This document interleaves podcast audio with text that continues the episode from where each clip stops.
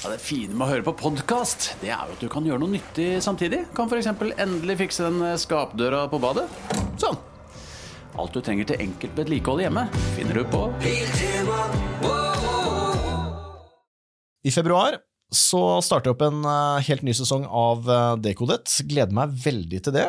Har mange bra gjester og temaer eh, på blokka her, og i løpet av februar så kommer det også noen spennende nyheter om Dekodet.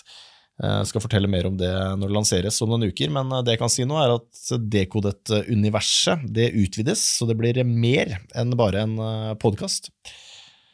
Så mens jeg klarer til eh, ny sesong her, så tenkte jeg å slenge ut en venteepisode, en favoritt fra, fra arkivet. Episode om atomkraft som energikilde. Eh, Og her tar vi for oss eh, noen etablerte myter om kjernekraftverk, kostnader knytta til å bygge nye kraftverk, eh, kostnader sett opp mot kilowatt eh, time produsert, ulike typer eh, reaktorer, eh, salt, hva heter det? saltsmeltreaktor versus eh, lettvannsreaktor, Thorium versus uran som brensel, small modular reactors, argumenter for og imot eh, kjernekraftverk, eh, og om det i det hele tatt er mulig for verden å nå klimamålene uten å satse på eh, kjernekraft. Ekspert i denne episoden her, det er eh, ph.d. Jan Emblemsvåg, som er professor på NTNU i eh, Ålesund, og også sivilingeniør eh, i maskinteknikk, konstruksjon og produksjon. Jan er en uttalt tilhenger av kjernekraft, og også aktiv i samfunnsdebatten om det temaet her. Eh, anlegget i Tsjernobyl kan ikke sammenlignes med noe som helst som har noen gang vært bygd i Vesten. Bortsett fra disse aller tidligste forsøksreaktorene i USA på 50-tallet. Klarer vi å nå klimamålene uten kjernekraft? Nei. Takk for at du kom, Ja, nemlig. Nei, vi gjør ikke det. Nei, altså hvis du ser på den store jobben som skal gjøres, eh, så er det anselig mengde energi som må produseres. Jeg tok et regnestykke bare på all marin, eh, marint uh, tungoljeforbruk. Tallene på forbruket varierer så klart ganske mye, men jeg har sett 300 millioner tonn per år går igjen ganske mye. da. Og hvis vi skulle ha produsert det ved hjelp av grønn ammoniakk, eller tilsvarende, bytta ut med grønn ammoniakk, så måtte vi faktisk brukt en og en halv gang av hele Europas totale elektrisitetsproduksjon Ja. For å lage bare fuelet til den eh, eh, marine delen. Og den marine delen har et utslipp som er ca. 2-3% av det globale eh, CO2, eller klimagassutslippet i verden. ja. Og dette sier noe om hvor enorm utfordring det vi står overfor. Men ok, Så tallene er jo ganske klare, men allikevel så er vi ganske langt unna å realisere det her, da. Ja, forferdelig langt unna. Altså, De siste 20 åra er vi nå, nå har vi brukt da renewable, altså det vil si sol og vind. Og Da har vi på 20 år eh, endra miksen med kun 4 prosentpoeng. Ja. Til en kostnad på ca. 27 000 milliarder kroner. og, da, og det er klart, når, vi da, eh, når regjeringssjefene samles i Paris, og da snakker om 50 ikke sant? Ja. på 30 år, Ja. når vi fått til 4% på 20 år, Ja. Da tenker jeg at uh, da vet vi nok ja. til at det kanskje er på tide å begynne å tenke nytt. Vi trenger litt kraftigere skyts, rett og slett. Ja, og det, og det koker egentlig ned i veldig enkelt forhold. Det er det vi kaller energidensitet, eller tetthet. Og Der er det sånn at det, uran og thorium er ca. tre millioner ganger mer energi, høyere energitetthet enn f.eks. kull. Ja. Men hvor er det det stopper opp her? Eh, politisk og økonomisk og Det er, rett og det er politikk. Det er politikk. Det, det er sånn som jeg ser det, så er ikke det noe, noe faglig argument mot kjernekraft. Uh, han har i dag egentlig svar på absolutt alt. Uh, så klart, kjernekraft er kapitalintensivt, det er det. slik at det, det, er ikke, en løsning for fattige land. Det er ikke det. Men desto viktigere tenker jeg at eh, vi, de rike landene, må ta den kostnaden med å utvikle og rulle ut kjernekraft, slik at de fattigere landene i en god del år framover enda kan kjøre fossilt, som krever lav innsats for å komme i gang, Mm. for at de skal bygge seg opp rent institusjonelt og samfunnsmessig, så vil gjøre de i stand i neste omgang til å håndtere kjernekraft. Ja. Og så har jo Vinden har jo snudd litt uh, siste åra, men fortsatt en del motargumenter. Hva er det typiske motargumenter du møter da, med de som fortsatt er uh, ihuga motstandere av dette her? Og ikke ja. vil ta i deg med ildtang, nærmest? da? Ja, uh, Det ene motargumentet som møter, er jo kostnader. Og, og, og da ofte dreier de fram investeringskosten. Og det er klart, den er stor. Um, men selv uh, hvis vi ser på da Hinkley Point C-anlegget i UK, som er jo det aller dyreste uh, av alle, med god margin, uh, så får du likevel en gjennomsnittlig strømkostnad hvis du hadde hatt normal finansiering på ca. 50 øre kilowatten. Mm. Og Det er ikke dyrt. Og, og, så må man også huske på da, at etter 25 år, når anlegget nedskriver, så snakker vi om eh, strømkostnader på rundt 40 øre.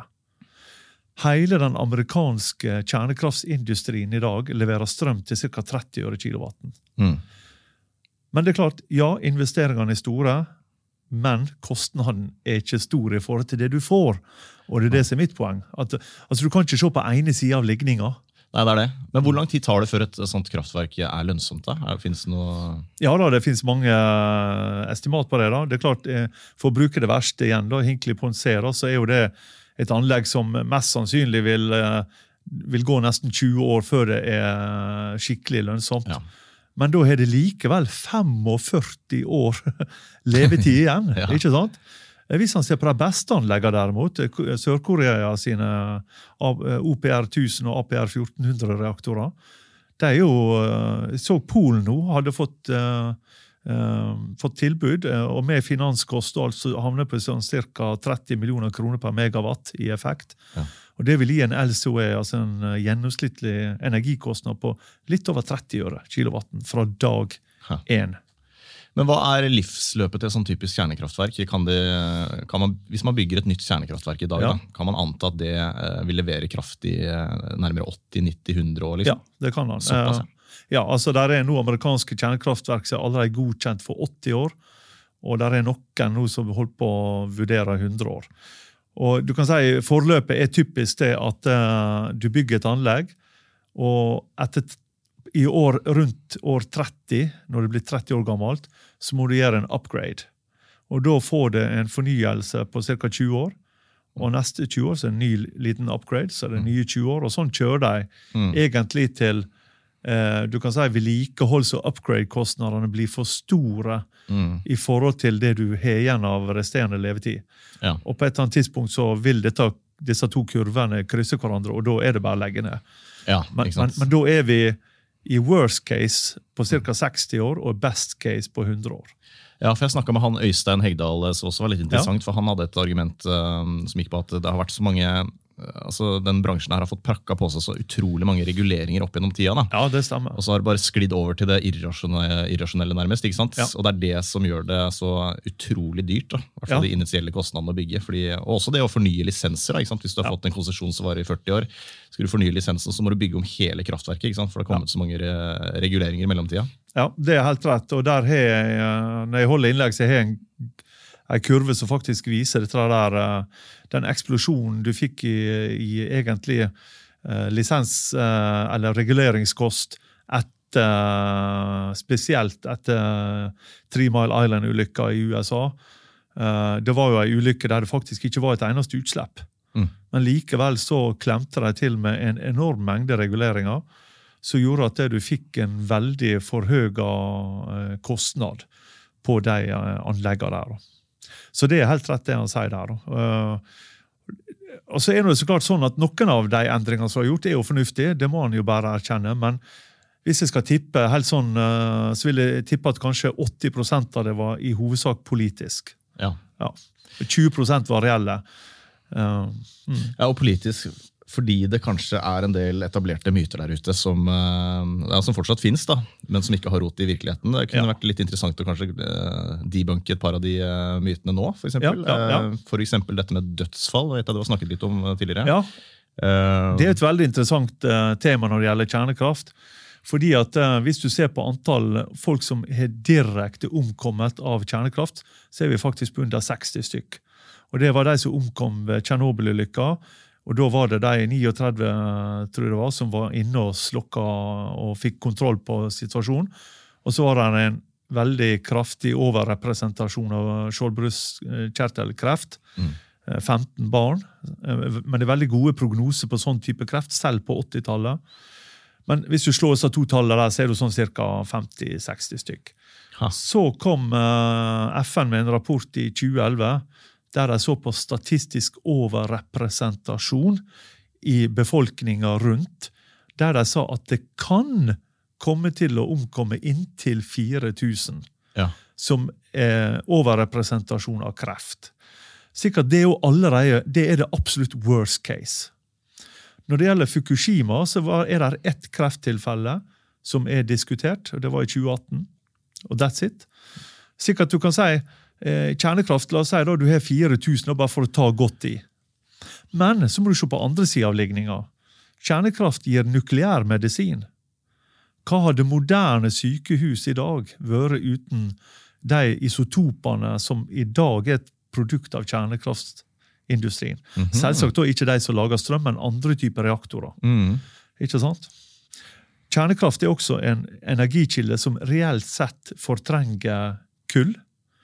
Og Det betyr at uh, for eksempel National Bureau of Economic uh, hva heter det, NBER, of uh, Economic Research USA har jo beregna at uh, i Tyskland så er jo de nedstengninga av de kjernekraftanleggene ført til en overdødelighet pga. av luftforurensning på 1100 per år.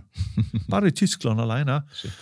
Slik at det, Sånn sett så kan du si at kjernekrafta, når du ser alt under alt, har faktisk et positivt bidrag. Ja. Og man regner da dødsfall Er det sånn dødsfall per kilowattime produsert? Ja, terawattime. Terawattime. Ja. Og der kommer jo kjernekraft eh, veldig bra ut. Ja, ja, helt lavest. Det er kun Lavest, uh, Der er, en, uh, type biofuel som er bedre. That's it. Ja. Ja. For det er litt interessant hvordan man regner det. fordi eh, jeg vet, den, Man må jo sammenligne som epler og epler og pærer og pærer. Men eh, det blir kanskje den mest presise måten å regne det på. For det er jo, jeg vil anta at det er flere kullkraftverk i verden enn det er kjernekraftverk. Ja, det er Så det. det er naturlig at det dør flere kullkraftarbeidere enn kjernekraftarbeidere. Men hvis man bruker da kilowatt Kunne kanskje regna per anlegg, da, om det hadde vært enda mer eh, Ja, Da blir tallene ekstremt lave. på ja, blir, kjernekraft. ja, ikke sant? Så kjernekraft kommer ut, godt ut uansett. Ja. Husk på i kullkraft så har du, du har luftforurensninga i byene, men så har du ikke minst kullgruvene. Og Der har du ikke noe dødsfall innenfor eh, kjernekraftindustrien som er kjent, uh, iallfall. Slik at uh, Igjen veldig strenge reguleringer. Eh, Slik at eh, akkurat den, den dødsfallrisikoen Uh, eh, er jo egentlig veldig veldig lav på kjernekraft. Og Hvis vi ser på en kraftkilde vi liker veldig godt å snakke om i Norge, vannkraft. Vannkraft er jo den enkeltkraftkilden som har forårsaka mest døde i ei ulykke. Ja. Ja, og Det var en, dam, en demning som brast i Kina. Over 100 000 omkom. Oi. Vi også hadde Vajont-ulykka i Italia. Det var 3500 som kom. ja. Shit. Sikkert, altså Vannkraft, hvis en sånn demning brest, det er meget destruktivt. Ja, da, Når det først går gærent der, så Ja. går det gærent. Men det er også det man tenker litt om kjernekraft. da. Hvis det først går i lufta, så går det så jævlig gærent. Men det gjør jo nødvendigvis ikke det. ikke sant? Nei, og, og, og da må vi huske på at Den reaktoren nå som faktisk har spunnet ut av kontroll, den i Tsjernobyl, det er den eneste reaktoren som har gjort det. Det var jo en steingammel design, det vi kaller en generasjon 2. Og den hadde til og med designsvakhet som var dessverre kjent. Ja. Som det ikke var gjort noe med. Det ble gjort, uh, Der er sju sånne reaktorer hvis jeg husker rett, eh, nå i drift, som er nå oppgradert og fjerna den uh, designsvakheten. Og så var det to menneskelige feil. slik at eh, Anlegget i Tsjernobyl kan ikke sammenlignes med noe som helst som har noen gang vært bygd i Vesten. Nei. Bortsett fra disse aller tidligste forsøksreaktorene i USA på 50-tallet. Der var det litt cowboy, da. Det skal han uh, bare ikke sant. rett ut. Ja. Men kan man si at kjernekraft er den tryggeste formen for kraftproduksjon av alle? ja, hvis man skal legge tallene til grunn, så er det helt klart det. da. Eh, Og det er den eneste ikke-fossile kraftkilder som har potensial til å fortrenge kullkraft i Ja. stor skala. Ha. Allikevel så legger vi ned kjernekraftverk og bygger nye kullkraftverk. Ja, og nå så jeg nettopp her når tyske medier gikk ut og sa at det var høyeste kullkraftproduksjon i Tyskland eh, noen gang. Ja, men det er vanskelig å liksom skjønne hva er det som Jo, det er politisk og det er økonomisk og det er myter, men det er liksom, vi skulle tro at vi var litt mer rasjonelle enn det, da. Men vi er ikke det, altså. Nei, nei, vi er ikke det. Vi er ikke det. Og, det, og, det der, og det tror jeg faktisk er den største utfordringa rundt det grønne skiftet. Det at eh, altså Hittil så har vi i menneskeheten på mange måter klart å bevege seg oppover og framover med mye politikk. Men nå må vi faktisk legge politikken til side og begynne å tenke vitenskapelig og, og riktig. Mm. Ok, Så det er, eh, det er få dødsfall. Um, Ja. Dette med pris snakka vi litt om i stad, men altså, er det dyrt? Vil du si at det er dyrt? uh, hvis man Nei, altså, la oss ta eh, igjen, som sagt, Hinkley Point C er veldig dyrt. Men hvis du ser på hva du får igjen, så er jo faktisk verdien veldig bra. Den er jo, uh, Hinkley Point C vil jo holde fem millioner britiske heimer med Ja. strøm. Ikke sant? Men, det, men dette er jo det dårligste. Hvis vi ser på det som nå er i ferd med å komme, eh, altså fjerdegenerasjons type kjernekraft, da snakker vi om helt andre investeringer. Eh, fordi at de anleggene blir fabrikkbygde. Eh, Se f.eks. den som GE, GE Hitachi, som nå Norsk Kjernekraft blant annet lukter på. Der snakker vi om en investering på 8-9-10 milliarder kroner. Mm. That's it. Og, vi, og der er det snakk om eh, å levere strøm til 40-50 øre kilowatten eh, de første 25 åra, når anlegget ennå ikke er nedskrevet. Hva med det å, å utvinne og anrike drivstoffet? da, Uran og, Ja, det er veldig billig. og det er billig? Ja, ja, Det utgjør uh, ca. 1 av eh, driftskostnaden på et anlegg. Nettopp. Så det er nesten gratis. Ja, Ja. nettopp. Ja. Ja, for det er også en, uh, ja, Om ikke en myte, så i hvert fall uh, altså, Men det er jo dyrt. men uh, altså, Det er dyrt å bygge. Ja. Initielle kostnadene er Ja. enorme, og så lønner det seg på sikt. Og det Ja. lønner seg veldig fordi det produserer strøm såpass lenge. Ja, Ikke sant? Det Um, arealeffektivitet og sånn, da? Det ja også, Der er jo den uslåelig. Ja. Eh, for å si det sånn uh, eh, Når Indian Point i New York nå var lagt ned her i fjor eller forfjor, så var det mye skriverier om det der borte. Og der ble det jo sagt at det ene anlegget tilsvarte ca. 1350 kvadratkilometer med vindmøller. Eller sagt på en annen måte, ISAR 2-anlegget i Bayern i Tyskland produserer nesten like mye strøm som alle de 6100 danske vindmøllene Ja. til sammen. Slik at arealmessig så gruser kjernekraft Mm. alt annet. Eh, altså, det, altså det er på en helt annen divisjon. Du kan si sånn som Oslo S her, for eksempel. En sånn størrelse på et anlegg, så kunne du holdt hele Oslo med energi.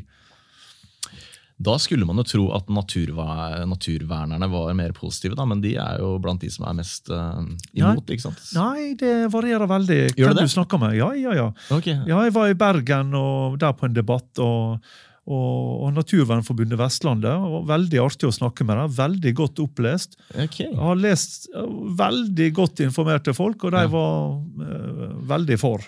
ok. Ja, sikkert jeg, Jeg trodde det var motsatt, men uh, Nei, det, altså det, eh, For meg framstår det som der er det ganske stor forskjell på eh, ledelsene som da er sentralisert her i Oslo, mm, kontra de som er rundt i Norge.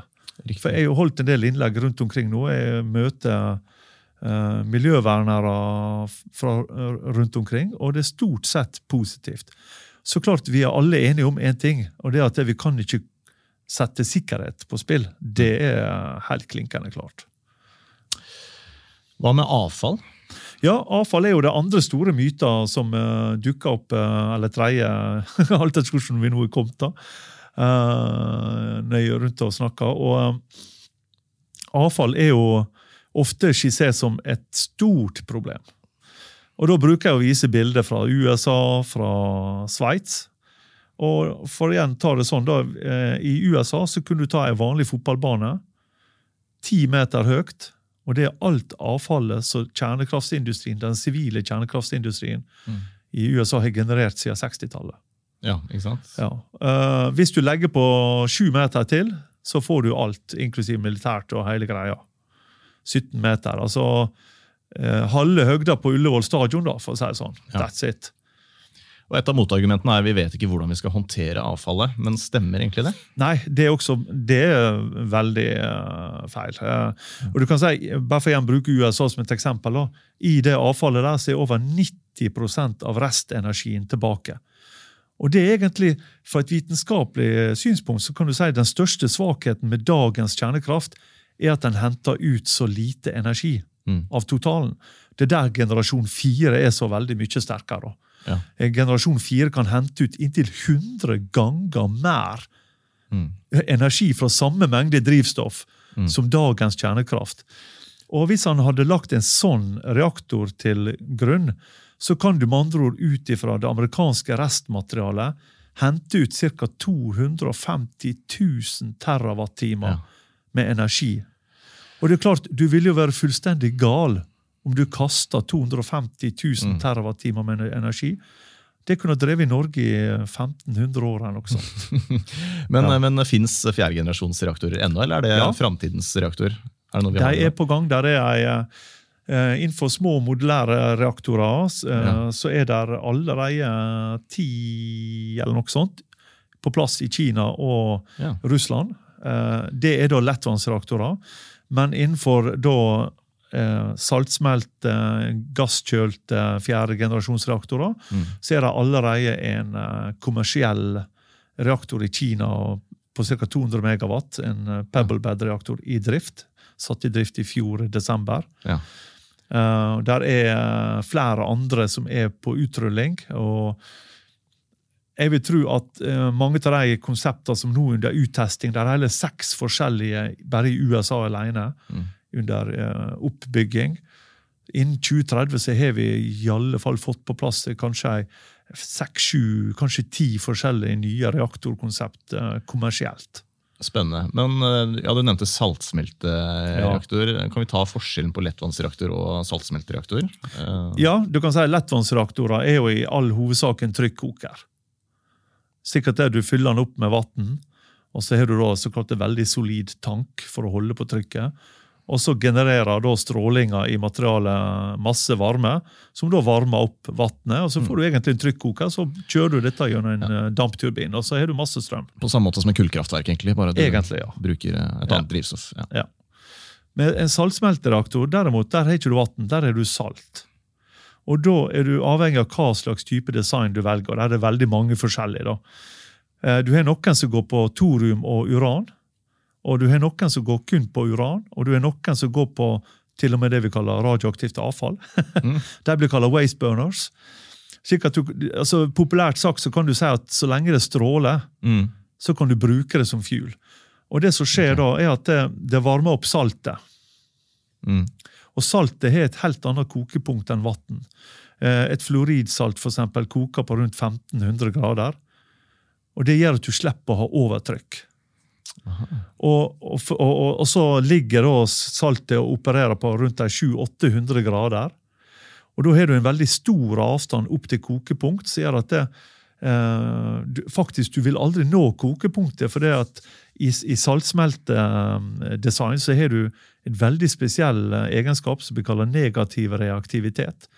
Og Det betyr at den reaktoren faktisk hviler på høy temperatur. Ja. I motsetning til omtrent alt annet jeg kjenner. Mm. Altså, ikke sant? eh, Du kan tenke du kom og satt inn i bilen om morgenen, og da var den varm.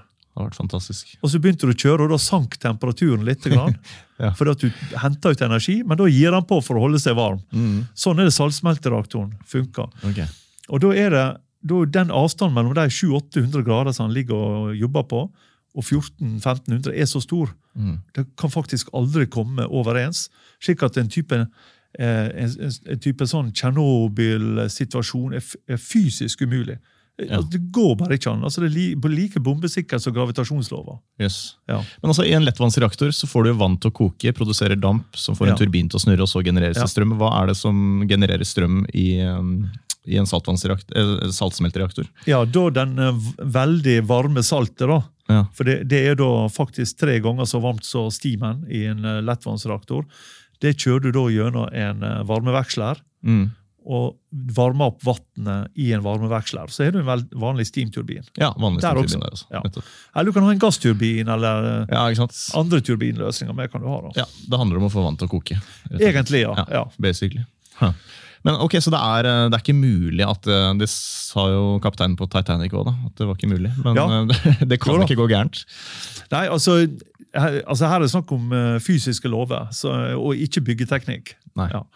Eh, sikkert det Uh, og Du kan si I og med han ikke koker, så ligger han på mange måter sånn og, og surkler omtrent som ei lapskausgryte, Mm. for å si det enkelt. da. Og, og jf. den diskusjonen som vi har hatt nå angående Zaporizjzja og, og beskytning og sånne ting Hvis du hadde skutt høl i en sånn uh, reaktorvegg bare for, bare for å ta det, altså det er jo fullstendig teoretisk, men likevel. da. Mm. Det som ville skjedd, da var bare at saltet hadde bare blubba ut. Ja. Mens med en trykkvannsreaktor, pga. overtrykket, så ville du fått en eksplosjon. Ja. Men er dette, er dette saltet da radioaktivt? Ja, det er det. Eh, men mindre radioaktivt enn Nei. de stavene? Det er samme? Ja, ja, nei, Det er meget radioaktivt salt, så, så det er ikke noe salt å tulle med. Da, for å si Nei, sånn, sant? Nei. Nei. Så hvis det lekker ut i naturen, så er ikke det bra på noen som helst måte? Nei, sant? men den store forskjellen er at det, eh, på grunn av at det ikke er et overtrykk, så vil det aldri kunne spre seg langt. Det er Nei. kun lokalt. Og så har også saltsmeltereaktoren en unik uh, design ved at det, du har faktisk en saltplugg ned i bunnen. Slik at hvis du skulle få problemer, så bare kutter du strømmen på den. Ja. Og da smelter saltet umiddelbart. Og da fer hele eh, suppedasen ned i en tank under, Mm. og det stanser. Ja, Og Det var gjort på Oak Ridge på 60-tallet mange ganger. Testa. riktig. Men eh, salt, materialer som tåler salt godt, uh, finnes det nå? Eller er det et Jeg mener jeg leste at det kan være en utfordring? At eh, ting kan begynne å ruste og erodere, eller hva det heter? Ja da, eh, helt klart. altså Høye temperaturer og salt eh, altså, er veldig korrosivt.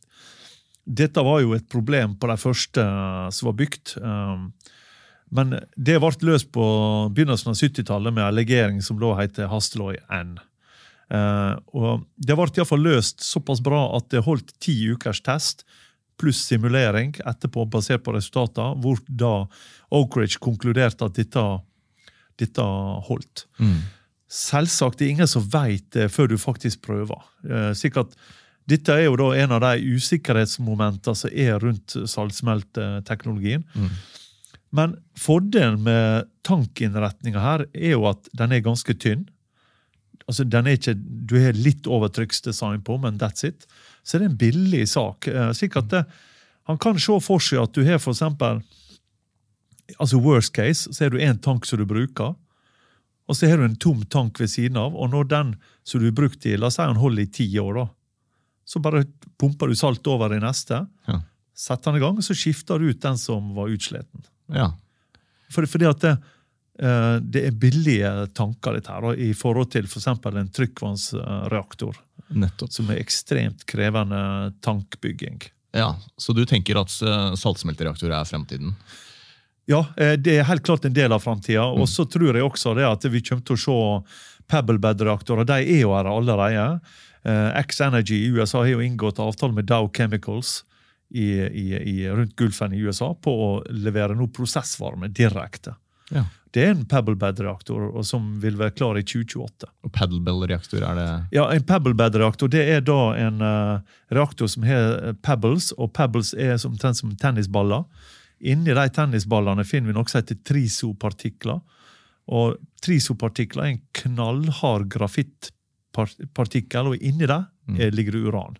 Aha. Og Fordelen med denne der er at du slipper den mekaniske integriteten som du har i dagens trykkvannsreaktorer med staver og uranoksid. Ja. For det, Hvis uranoksidet sprekker, så blir det en såkalt incident. Mm. og da det, Du kan ha x antall før du må begynne å skifte fuelet. Ja. Men det slipper du med en pebblebed-reaktor, for det er ikke noe strukturelle hensyn å ta. Så du kan brenne ut fuelet veldig langt. da. Er dette ny innovasjon, eller er det også noe som har eksistert Nei, lenge? Men, ja. ja. Det, det, dette er ikke noe Ja, for det virker som alle disse altså Dette er Ja. ting som, eh, som, eh, som eksisterte på 60- og 70-tallet. Ja, ja, ja. Så har det bare ikke eh, fått lov til å utvikle seg. Og, Det stemmer. Du kan si Veldig mange av dagens konsept som høres veldig nye ut, var faktisk eh, påtenkt på 60-tallet. Mm. Eh, Men så ble veldig mye funding stoppa av ulike grunner. Mm. Eh, og da eh, skjedde det egentlig ikke noe særlig fram til eh, faktisk eh, 9-11. ja. Og da ble det mye diskusjon i USA på dette med non-proliferation. De må eh, hindre hva skal jeg si, rogue states og, og, terrorister og andre til å få tak i restmaterialet for å kunne bygge såkalt dirty bombs. Mm. Og da det mest, eh, altså Den sikreste måten å gjøre det på, er å ha en reaktor med veldig høy burn-up. Altså, Mm. Burn-up det betyr at du brenner ut det radioaktive materialet veldig langt. da. Og da var det folk som hadde jobba med dette på 60-tallet. Blant annet en av verdens fremste reaktordesignere, Alan Rakowski. Eh, vel ingen som bygd flere reaktorer enn han. Um, han bygde også den første i USA, og, og både på ubåter og på land. Og, ja. og han sa jo det at eh, Vel, the solution is here. The solution is here. Ja. Og da var det bare å koste støv av gammelt uh, materiale fra Oak Ridge på 60-tallet. Ja. Og så uh, han Kirk Sørensen, da, som da var inne der, han fikk jo lov til å legge dette ut på internett. Ja. Og da har det skjedd utrolig mye innen den nukleære arenaen uh, de siste 20 åra. Ja, og nå har det begynt å komme en del kommersielle aktører på banen som også er Ja. spennende. Bill Gates har Ja, mange ja, ja. prosjekter, Rolls-Royce, det er sikkert mange andre som jeg ikke vet om. Men, uh, og Da er det særlig fokus på dette med small modular reactors, er det ikke Ja, det? det stemmer. Som rett og slett er gammel og kjent teknologi, bare pakka inn på en ny og mer Ja, og- effektiv måte. Ja, jeg kan si det, altså, På mange måter så har du tatt kjernekraften fra å være gigantisk håndverk, Mm, sånn som Hinkley Point C, til å bli industrielle produkt. mm, Og, og det med industrialisering Vi kan jo selv tenke oss hvis vi skulle ha bygd en bil i dag, f.eks. håndverk. Alt var håndlaga, alt var utregna en gang, og alt var beregna søtte sammen. Alt for hånd. Ingen av oss hadde hatt råd til en bil. Nei. Det har kosta millionvis for en helt vanlig bil. Men pga. industrialiseringa så får vi i dag kjøpt en bil til fornuftige penger. mm. Og denne der kostnadsreduksjonen der nå kommer vi til å se på reaktorsida også. Og sikkert når man først får satt i gang masseproduksjon av sånne små modulære reaktorer Det er nesten vanskelig å si hvor billige de blir, men jeg har gjort beregninger på det, publisert i International Journal of Sustainable Energy. Og Da prøvde jeg meg, og da brukte jeg noe som vi kaller power law. Eh, Det er en type teknikk vi bruker innenfor life cycle costing for å beregne eh, hva skjer hvis antallet øker veldig. Og da fikk jeg da fikk jeg faktisk en LCOE på, ned på ti øre. Ja. Og det er nesten for godt til å være sant. Har ikke vært for min industrielle bakgrunn, jeg jobba mange år i industrien, så har jeg faktisk ikke trodd det. Fordi at det, fra, det kan høres ut som å komme fra 30-40 øre ned til 10 øre høres ja, helt umulig ut. Men jeg vet det at når du først begynner å få flyt i produksjonen, Ja. det er enormt hva du kan spare. altså. Men hvor mange år er det til vi kommer dit hvor det er flyt i produksjonen og dette blir strømlinjeformet? og Nei, Da er vi nok helt sikkert opp midt på 2030-tallet, opp mot 2040. fordi at det, altså, jeg kan jo si at En av de store ulempene med kjernekraft da, er jo at eh, alle, alle ting tar tid der. da, Pga. Uh, veldig veldig, veldig strenge krav. Mm. Og Det gjør at selv om du har da en kommersiell eh, reaktordesign eh, klar, la oss si 2028-2030, så må du jo få kontrakter, du skal begynne å bygge opp produksjon. ikke sant? Alltid dette tar litt tid. Mm. Ja. Og reguleringsmyndighetene er vel kanskje ikke heller veldig glad i nye innovative løsninger? for da må de... Det har de historisk ikke vært, men nå fikk jeg snakka med en kar, og han sa det at eh, nå har de kjørt ut eh, forsøk i USA med metallisk uran. Eh, alle vestlige kjernekraftverk kjører på uranoksid. I Russland så har han kjørt på metallisk uran, på enkelte reaktorer. Ja. Eh, han mente at dette, for å få dette godkjent gjennom byråkratiet i USA, så ville det tatt ca. ti år. Mm. Nå var det gjort på tolv måneder. Yes. Ja, jeg, altså jeg tror amerikanske myndigheter har nå virkelig sett Mm. at nå er de nødt til å steppe opp. Ja. Og det gjør de. Altså Jeg ser bare på funding-sida. For to år siden så var det så å si ingen funding i amerikanske statsbudsjettet på kjernekraft. Mm. Jeg, jeg tror det var snakk om 100 eller 200 millioner dollar. Mens nå er det, er det 5 milliarder dollar bare på eh, støtte til to, uh, to reaktordesignselskap som har kommet så langt at de er klar til kommersiell utvikling. Og da, Det er snakk om Newscale, og så var det ett til. da. Det er jo veldig positivt, men ja. i Norge derimot, der står det bom stille. Det gjør det, ja. Og det kommer til å koste oss dyrt hvis vi står bom stille altfor lenge. da. Men altså, thorium. Eh, vi bader i thorium her i Norge. Det gjør vi ifølge en del estimat, ja. Ja. Um, og det er jo mange som mener at det er noe vi bør eh, utnytte. Hva er fordelen med å bruke thorium forresten versus uh, uran? Nei, altså uh, Egentlig så er det, handler det først og fremst om reaktordesign. Det er det aller viktigste. Og sekundært er det fuelet. Ja. Slik at om du går på uran eller thorium, for, for meg spiller det egentlig veldig liten rolle. Men der er noen fordeler med, med, med thorium. da. Altså, det ene er jo at det er jo et stoff som vi i dag bare kaster. I titanindustrien hvert år kaster 80 000 tonn thorium. Mm. 80 000 tonn det er nok til å drive Norge i over 1000 år.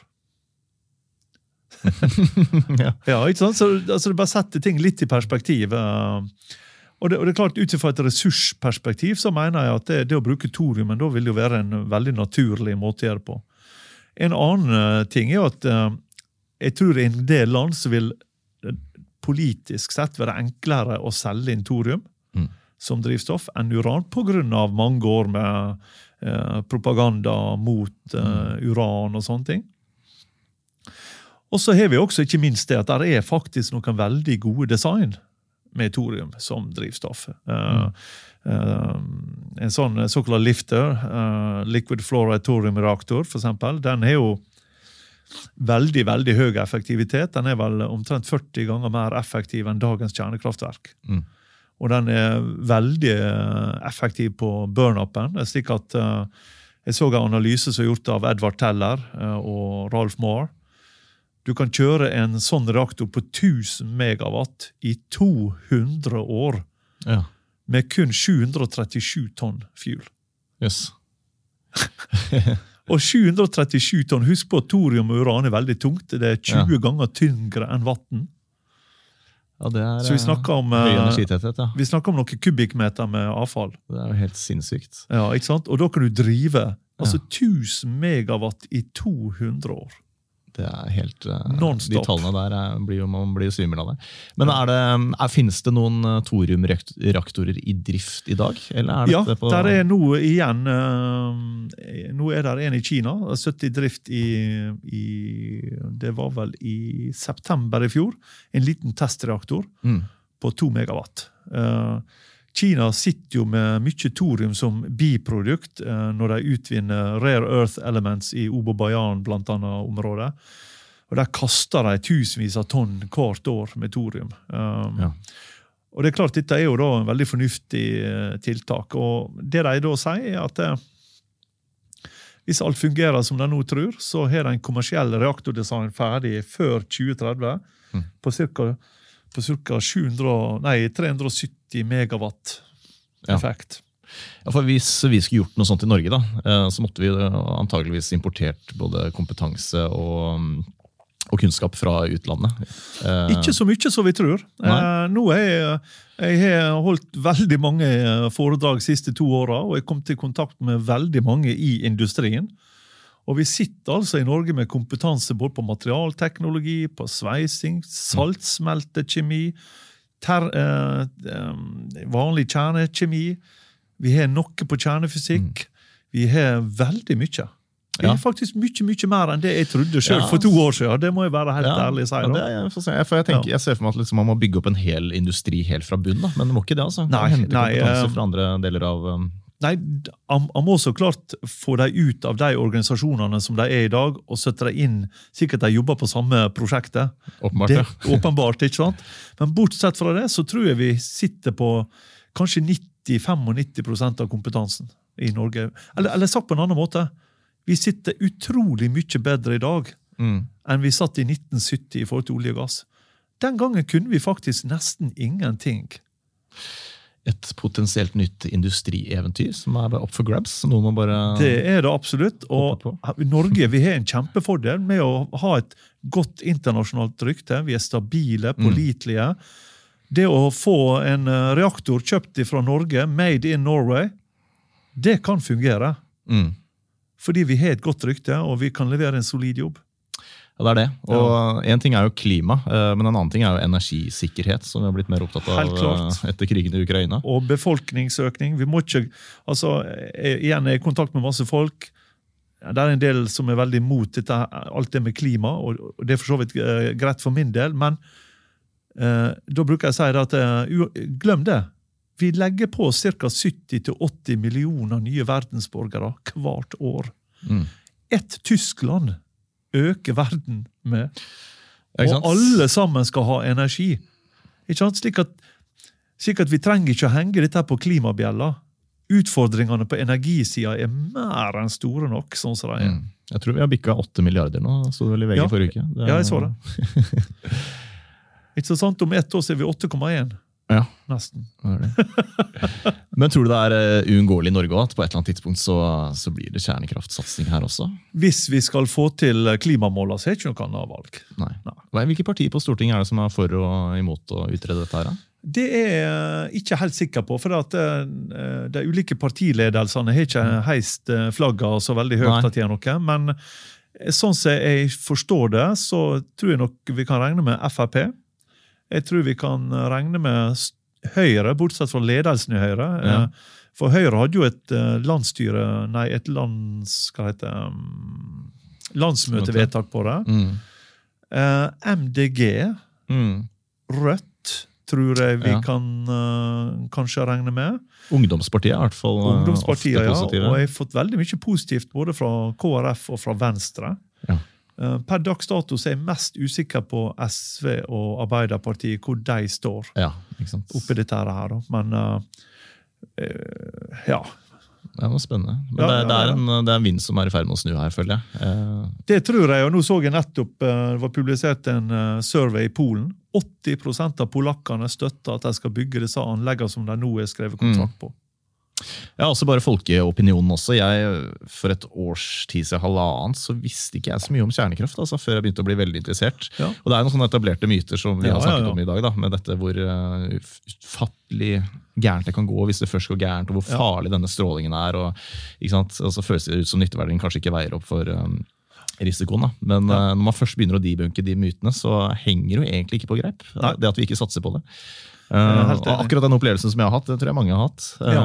siste året. Ja, det tror jeg også. Og det, og det er jo eh, jeg, altså jeg syns det er kjempekjekt at det her er så mange som både spør og lurer og, og, og er interessert i å høre om det. Og, og, og jeg tror jo dette er igjen Norge. Vi sitter her på en veldig stor mulighet hvis vi evner å ta den. Det gjør vi. Spennende.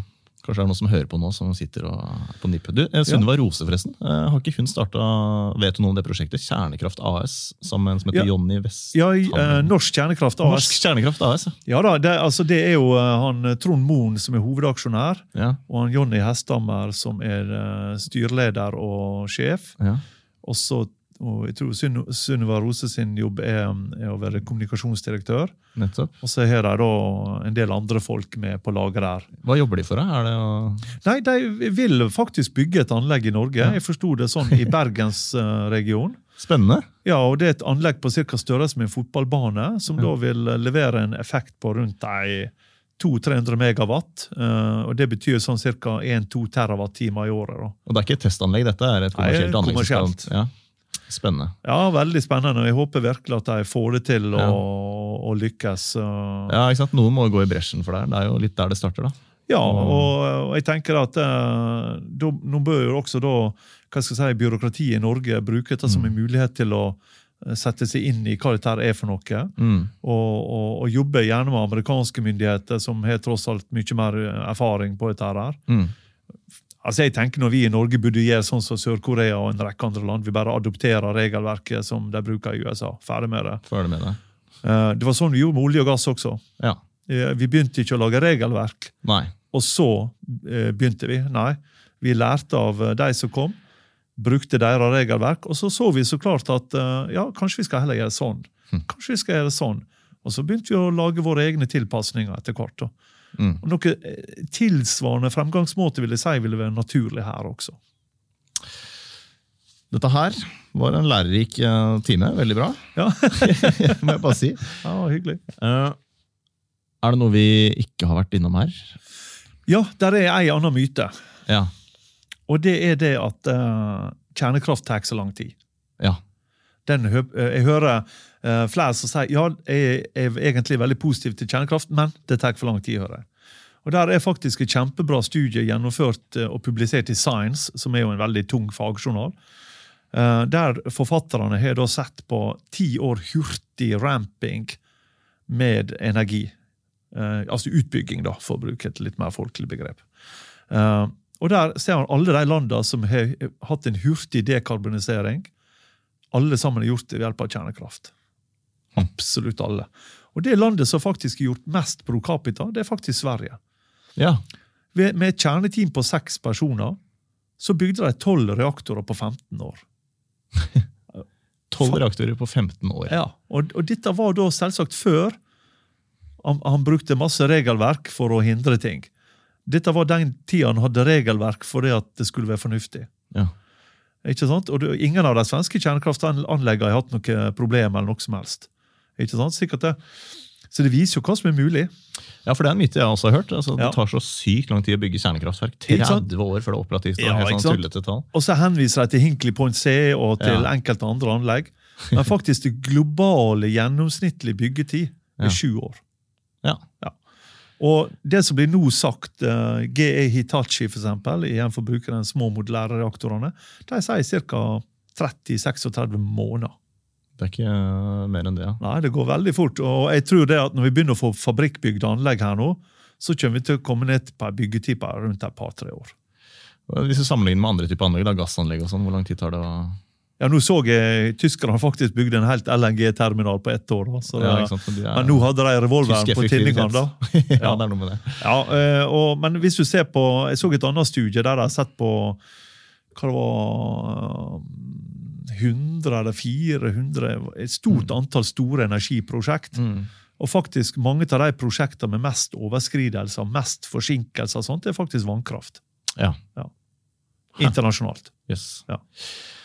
Men uh, jeg er jo litt sånn nyfrelst, da, så jeg ser jo bare positive ting. og Jeg, bare sånn, jeg skjønner ikke hvorfor jeg ikke satser på det her. Men uh, hvis vi skal prøve å leke djevelens advokat litt, da finnes det noen gode motargumenter? Ja, som jeg sa i stad, altså utviklingstida er veldig eh, krevende. Utviklingskostnaden er ikke så krevende. Jeg ser nå kinesiske myndigheter oppgir på den uh, thoriumreaktoren som de har nå i drift, at de har brukt 500 millioner dollar. Mm. Altså, Det er ikke gale. det er veldig, veldig...